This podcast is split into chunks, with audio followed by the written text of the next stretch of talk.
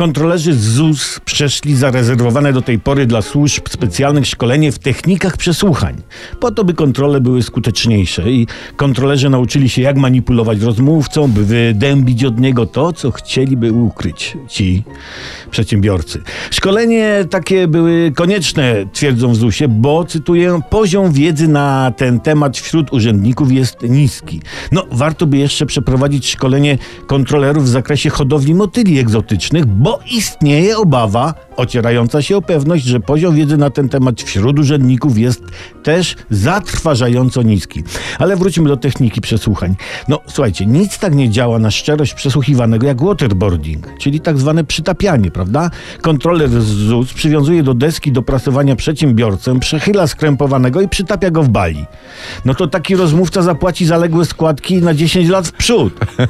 Albo, ja- jak to mówili w filmie Psy, z akumulatorem na, że tu użyję rozbudowanego eufemizmu, na newralgicznych dla mężczyzn rozrodczych częściach ciała nigdy jeszcze nie skłamał. A więc samo oglądanie filmów wystarcza, e, po co te kosztowne szkolenia. Ale można tu w tej całej sytuacji dojrzeć pewien potencjał na rynku szkoleniowym. Konkretnie szkolenia dla klientów z ZUS-u, jak odpowiadać na pytania przeszkolonych kontrolerów. Chociaż tu wystarczy telewizja, obserwowanie i branie przykładów z przesłuchiwanych przez różne komisje sejmowe. Jak się pan czuje, pyta kontroler. Odpowiadamy, nie wiem, nie pamiętam, tym zajmował się kto inny, po prostu nie wiem. A co pan wie? Wiem, że nic nie wiem.